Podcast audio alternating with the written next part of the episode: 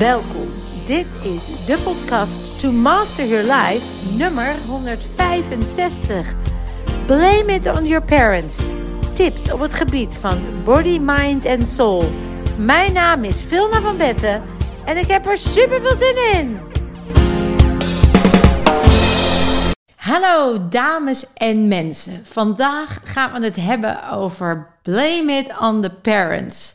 Nou, dat is natuurlijk een beetje een provocerende titel, want uiteraard gaat het hier niet over blame, maar gaat het over ehm, dat alles wat in jouw cellen ligt, mogelijk ook nog voortkomt uit celgeheugen van voorouders en lijnen daarvoor zelfs nog.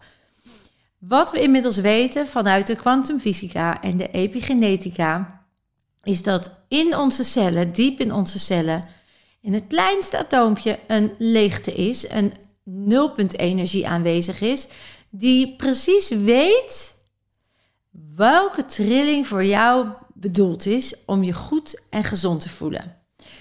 Wanneer die trilling beïnvloed wordt, en dat wordt beïnvloed door gedachten, door emoties, door wat we eten, wat we drinken, wat we meemaken, um, straling, roken, alcohol, noem het maar. Want ook dat heeft allemaal een trilling. Nou, die trilling die gaan zich met elkaar mengelen. En dan zien we dus dat soms jouw nulpunt energie, dus jouw basistrilling, eigenlijk verstoord raakt. En hoe lager de trilling, hoe vaster de vorm, hoe meer jij dat ervaart als een belemmering, een klacht. Ehm, nu kan het zo zijn dat uh, die, die belemmering of die frequentie niet altijd continu aanwezig is. Dat betekent dus dat energie uh, flexibel is, maar ook beïnvloedbaar en niet altijd op hetzelfde moment getriggerd raakt. Soms kan je bijvoorbeeld in een specifieke situatie uh, getriggerd raken en dan wordt die trilling geactiveerd, die lagere trilling, en dan reageer je dus ook op een manier die uh, voor jou niet fijn voelt. Het kan zijn dat je je dan ziek voelt, of dat je dan uh, heel erg boos reageert of depressievig. En dan merk je dus dat dat getriggerd wordt door iets. Nou, dat iets, dat zit in het celgeheugen. En er is ook algemeen bekend dat tussen je nulde en je zevende jaar um, is daar dus in die eerste zeven jaar is daar dus iets uh, geïmprint. Heb je heel veel voor het eerst in dit fysieke leven meegemaakt, ervaren, gedacht en gedaan. Al die conditioneringen, die zorgen nu dat jij op specifieke plekken super lekker stroomt, maar op specifieke plekken ook een propje in een rietje ervaart. En dat zou ertoe kunnen leiden dat je niet altijd de juiste partner vindt, of nog steeds niet het geld op je rekening hebt staan wat je zo fijn uh, vindt en dat je vindt dat je inmiddels verdient.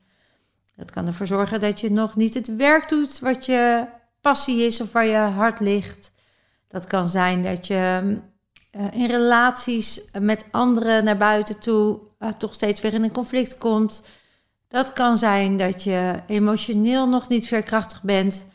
En niets is goed of fout en niets heeft schuld. Als je naar de emotieladder van uh, David Hawkins kijkt, dan zie je ook dat specifieke gedachte en specifieke gevoelens een lagere trilling hebben. Schuld zit heel erg onderaan de emotieladder. Dus dat betekent dat als je vaak aan schuldgevoel doet of je schuldig voelt of de schuld geeft, dat dat dus ook een lage frequentie is die jouw energie naar beneden haalt. Dus laten we sowieso voorop stellen, om te helen, om ons goed te voelen, is het heel belangrijk dat we gaan vergeven en dankbaar gaan zijn. Nou zit vergeving en dankbaar dus ook echt in het andere spectrum boven in de emotieladder. Terug naar dat blame it on the Paris. Nou, blame it gaat het dus niet om. Wij zijn er nu achter dat binnen het vermogen wat jij hebt en de trillingen die je inmiddels hebt geconditioneerd, doe je wat je kan. Dat noem je het bewustzijn. Je bent bewust met de middelen die je tot nu toe hebt. Naast die conditioneringen zitten daar ook emotionele trauma's bij. Of fysieke trauma's. Daar zijn vaak situaties als een ongeluk, ehm, een blessure, maar ook een hele heftige gebeurtenis. En ehm, die blessure dan natuurlijk veroorzaakt door een heftig ongeluk.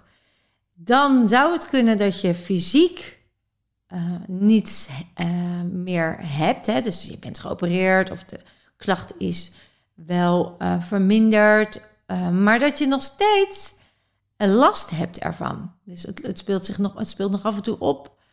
En dat komt omdat de emotie die je erbij hebt gehad nog niet verwerkt was. En emotie, weten we inmiddels, is energie in beweging. Dus die energie is niet op de juiste manier in beweging gekomen. Dus we zien conditioneringen als een verstoring van de energie in je lichaam, van de trilling. We zien heftige gebeurtenissen als een verstoring in uh, de energie van je lichaam. Dus of jij je hoog of laag in je energie voelt.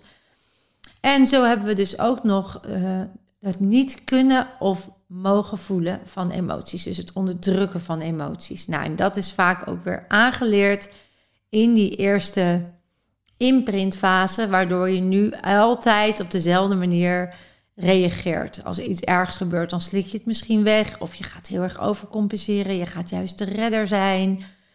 Kortom, dat zijn allemaal copingstrategieën die je hebt als alternatief gedrag hebt, neergelegd om niet te voelen van de pijn. Je hebt eigenlijk de pijn onderdrukt. Dat dat in dit leven dus kan gebeuren en dat we daardoor op latere leeftijd nog steeds zo reageren of zo af en toe getriggerd raken omdat we het nog steeds niet opgelost hebben, dat weten we inmiddels. En daar kunnen we sowieso op resetten. Dat doen we eigenlijk niet anders met onze resetprogramma's. We hebben uh, helende weekenden, helende weken. Dus daar zien we echt uh, al die transformaties plaatsvinden. In die weken en die weekenden gaan we alleen ook nog een stapje dieper. In de Body Mind Reset methode gaan we namelijk verder dan de fysieke tijdlijn. We gaan helemaal in dat onbewuste van alle tijdlijnen en alle dimensies en elk bewustzijn waar je ooit bent geweest. Als we namelijk meegaan in de theorie dat alles energie is, dan begrijp je ook dat de fysieke vorm, dus een lichaam, wel verdwijnt. Maar het binnenste van al je cellen, die energie, jouw ziel zou je kunnen noemen, die gaat nooit verloren. En die vindt weer een weg in een fysieke vorm. En het grappige is dat als daar in die cellen nog een energiefrequentie lag vanuit trauma, conditionering of onderdrukking, dan kan dat dus weer in een volgende generatie uh, zich weer uh, naar buiten uiten. Uh, zowel van de ouders, dus als jij het niet hebt opgelost, kan je het doorgeven aan je kinderen. Daar hoef je niet eens voor te overlijden. Maar ook als jij overlijdt, kan het doorgaan in een andere fysieke waarneming. Dus het kan ook nog zijn dat jij ballast bij je draagt van andere energieën die nog door jou opgelost moeten worden in dit leven. Nou, ik kan me best voorstellen dat dat voor sommige mensen wat ver gaat. Tegelijkertijd is het, stel je open, hè? stel dat het waar is, dan is het super fijn dat je daarbij kan om dat op te lossen. Want als je dat niet gelooft en je blijft dus met klachten lopen en je snapt maar niet waarom, want je hebt toch alles geheeld in dit leven en je hebt er overal affirmaties op gezet en gezonde leefstijl. Hartstikke leuk, maar dan heb je dus nog een laagje dieper te gaan. Dus in onze events gaan wij ook in die reset gaan wij naar dat allereerste moment waar je mogelijk die trilling uh, verstoort, waar die verstoord is geraakt. Dus als we kijken naar uh, blame it on the parents, dan zou je kunnen zeggen dat, dat er zaken zijn waar jij nog aan doet in dit leven, die niet van jou zijn, maar oorspronkelijk nog van jouw ouders of misschien nog wel de lijn ervoor. Nou, ik heb al heel veel situaties meegemaakt waarin ik zag uh, dat dat dus wel degelijk kon. En een daarvan beschrijf ik ook in mijn boek. Dat is die mevrouw met uh, die na haar tweede bevalling ineens heel erg last krijgt van vaginisme. En vaginisme is een verkramping uh, van de vagina, waarbij de, bij elke vorm van penetratie of naar binnen komen, de, ja, eigenlijk het hele gebied zich afsluit en verkrampt. En zij had dat nooit en ze had ook nooit um, moeite met seks. En ze had een hele fijne relatie met haar partner. Dus er was eigenlijk geen reden voor haar om, te, ja, om aan vaginisme te doen, zolang zij zich dit kon herinneren. En het was dus wel getriggerd na haar tweede bevalling, waarbij de gynaecoloog nogal ruw met haar was omgegaan. Het kindje had zich vlak voor de bevalling nog gedraaid. Ze had om pijnstilling gevraagd, dat had hij niet gegeven. Hij had nogal bot gereageerd van stel je niet aan en we gaan nu geen pijnstilling geven en dit moet je als vrouw maar kunnen. En ehm, hij heeft toen ook uh, inwendig uh, het babytje teruggedraaid. Dat deed ontzettend veel pijn. Dat heeft ze aangegeven. Dat werd niet gerespecteerd. Dus op allerlei manieren werden haar grenzen overschreden en werd ze niet gezien, niet gehoord en niet serieus genomen.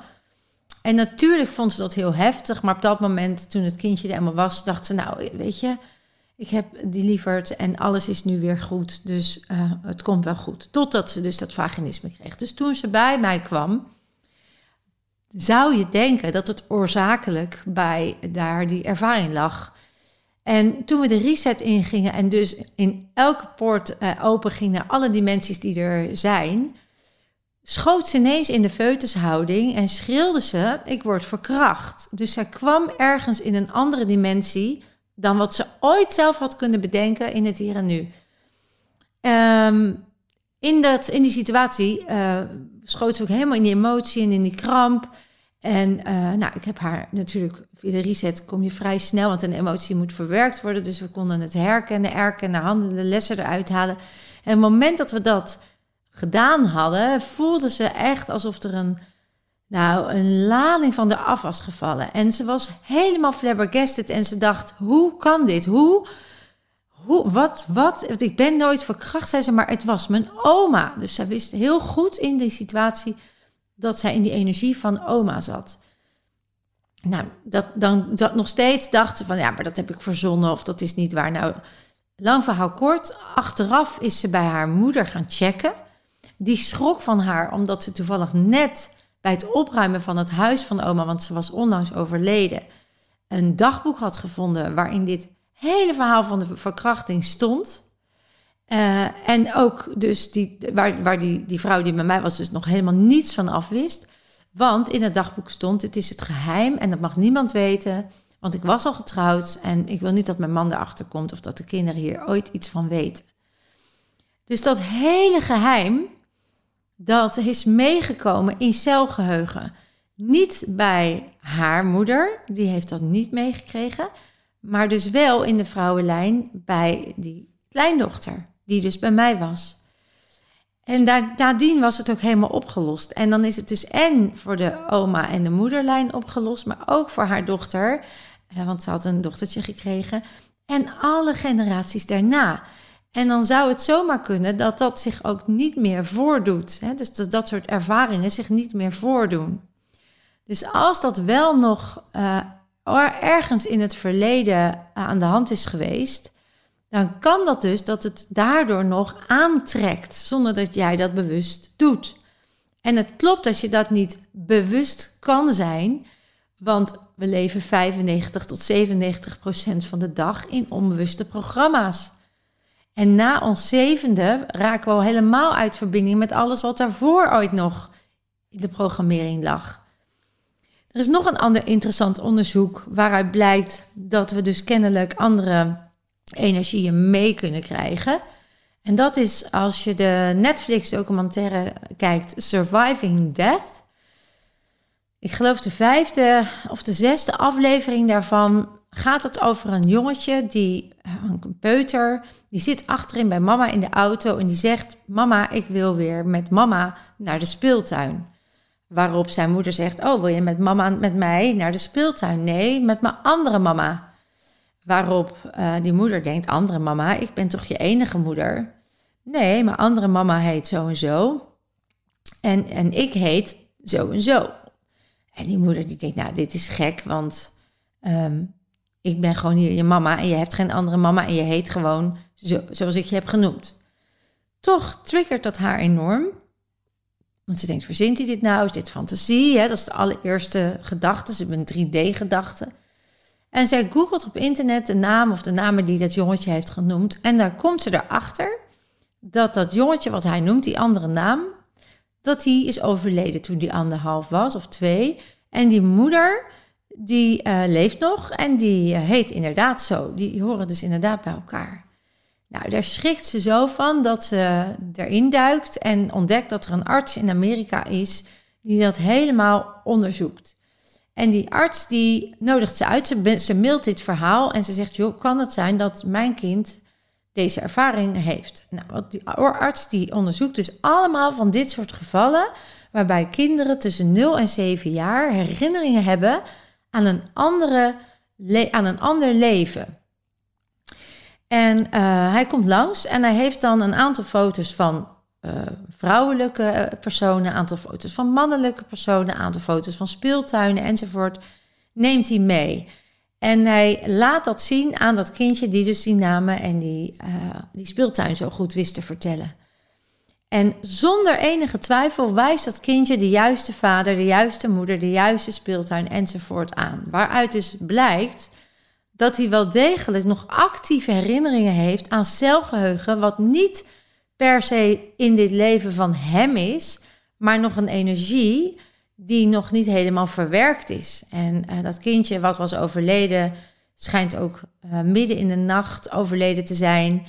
Um, en vrij abrupt. Ik heb het een tijd geleden gezien, dus gaat vooral even kijken. Maar uh, het zou dus zomaar kunnen dat nog delen van die energie die niet verwerkt worden, alsnog verwerkt moeten worden.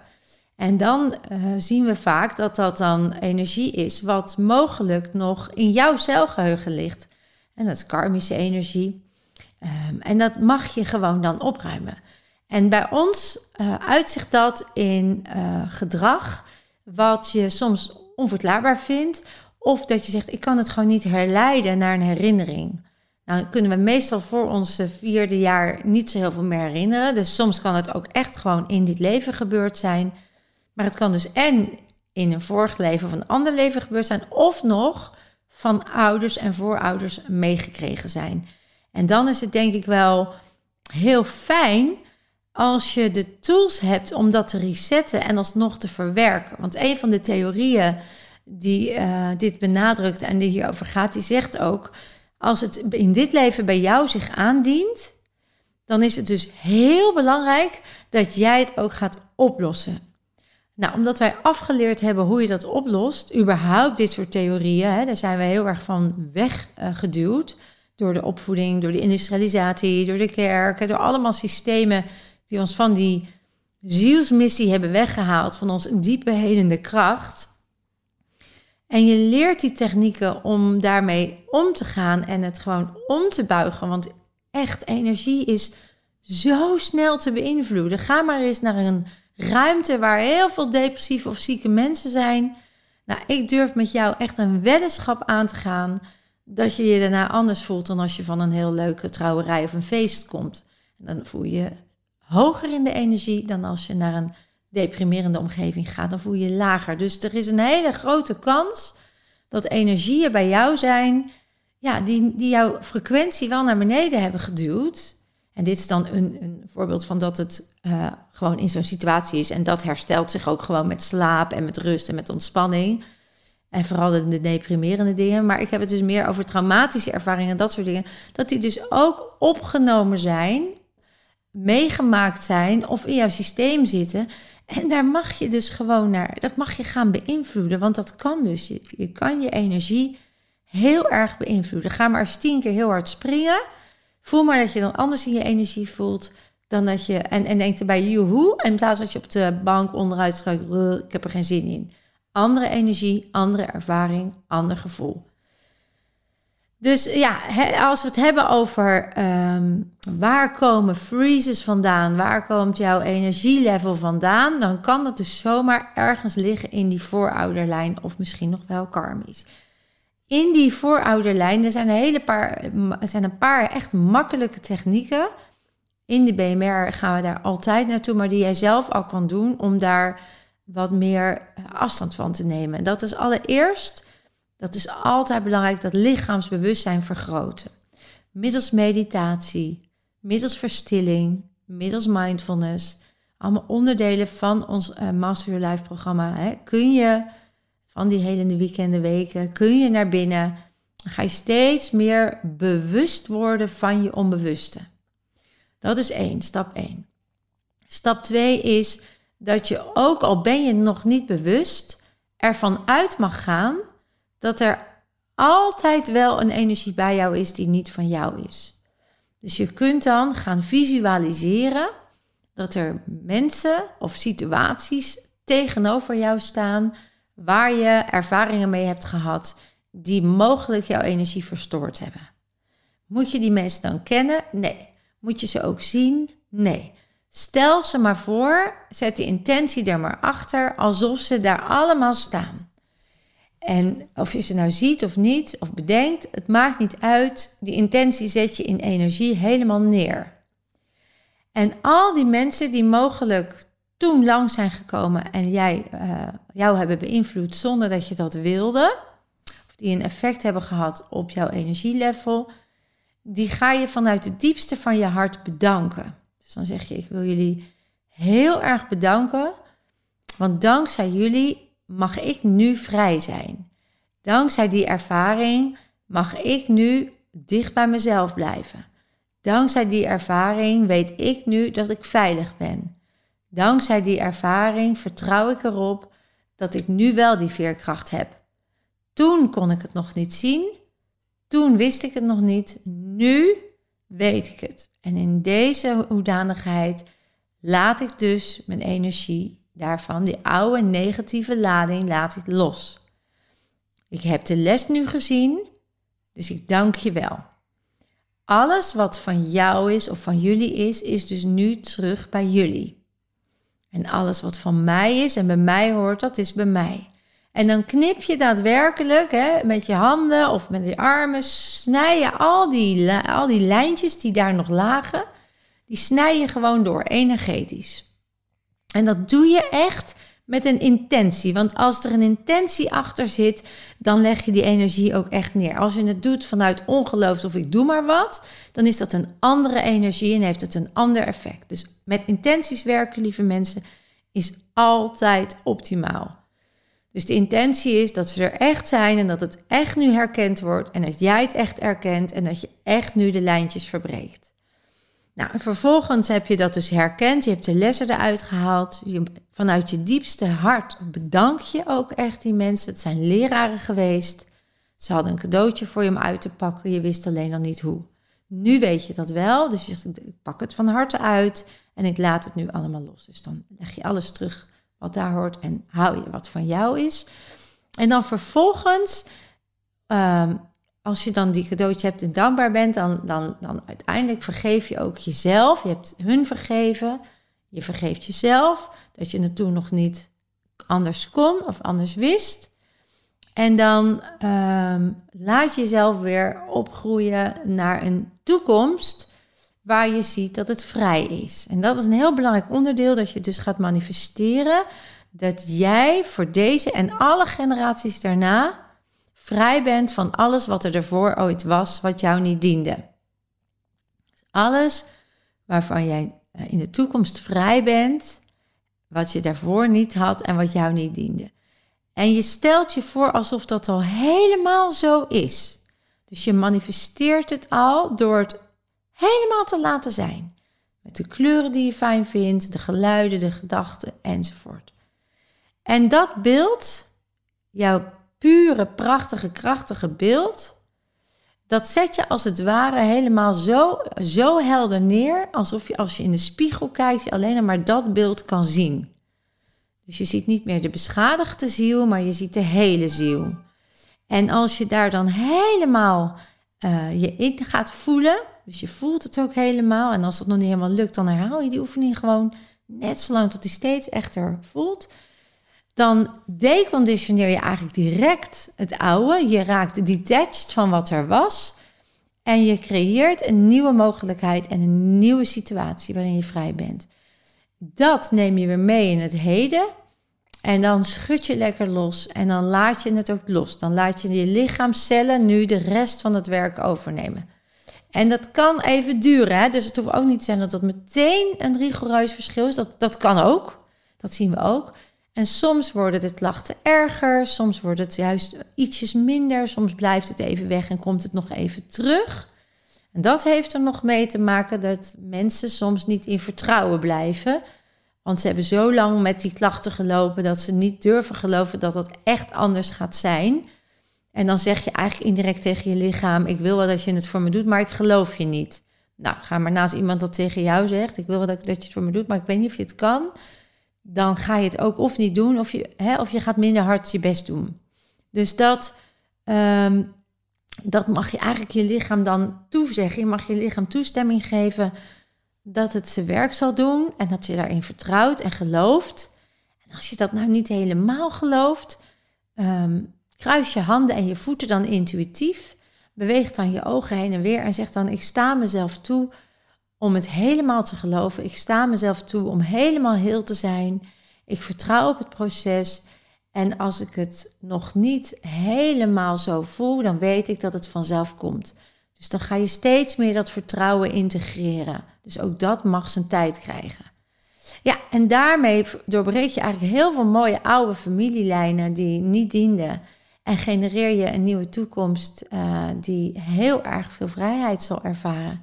En ik denk dat als we dit in onze basis gewoon zo af en toe eens doen, dat we allemaal veel sneller zullen helen voor nu en generaties daarna, waardoor de aarde ook kan helen. En we nog heel lang mogen genieten van alle dimensies waar we nog eh, terecht mogen komen. Nou, ik hoop dat jij weer enorm veel hebt gehad aan deze podcast. Uiteraard zijn reacties altijd ontzettend welkom. Dat kan op de website uh, of op YouTube. En ja, ja, mocht je ideeën hebben of uh, veel zou je het een keer daar of daarover willen hebben, laat het me dan alsjeblieft weten. Mocht je nu toch echt eens voelen ja, ik wil dit toch echt ervaren en ik wil daarin begeleid worden. Kom dan ook gewoon eens echt naar zo'n helende week. Eh, waarin je gewoon ondergedompeld wordt in helende technieken. Waarin je leert hoe het moet. Waar je op vijf gebieden in je leven gewoon lekker die freezes en die propjes opruimt. En jezelf bevrijdt voor nu en voor generaties daarna. Ik hoop je dus live te zien. En voor nu, je weet het, Jij bent zelfhelende kracht. Dankjewel.